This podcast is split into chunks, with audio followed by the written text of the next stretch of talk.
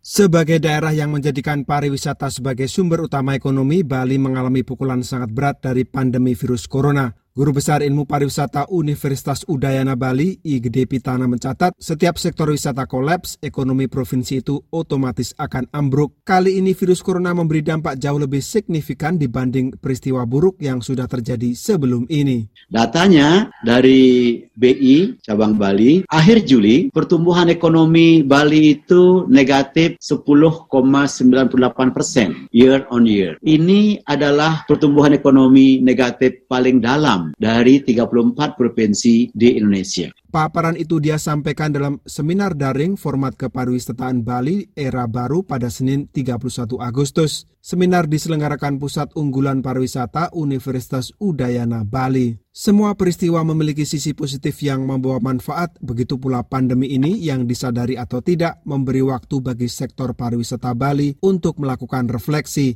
Pendapat itu disampaikan pejabat Kementerian Pariwisata dan Ekonomi Kreatif Franz Agung yang juga menjadi pembicara dalam seminar benar. Nah, bahwa hari ini eh, kita mengalami pandemik, eh, global crisis, itu berarti adalah momentum untuk koreksi, untuk melakukan evaluasi, punya platform keseimbangan antara aspek kesehatan, lingkungan, ekonomi, sosial, budaya ini sudah harus menjadi sebuah keniscayaan Ajakan serupa juga datang dari Wakil Gubernur Bali, Cokorda Oka Arta Ardana Sukawati. Format peristiwa Bali ke depan harus mampu mengkolaborasi sosial kapital dengan ekonomi kapital. Sebab tidak mungkin kita harus terus-menerus mengekstraksi keuntungan ekonomi dari pariwisata tanpa menjaga aset dasarnya yaitu budaya Bali Pemerintah Bali awalnya menetapkan 11 September 2020 sebagai awal pembukaan kembali pintu bagi wisatawan asing. Namun dengan sejumlah pertimbangan pembukaan itu ditunda hingga waktu yang belum ditentukan.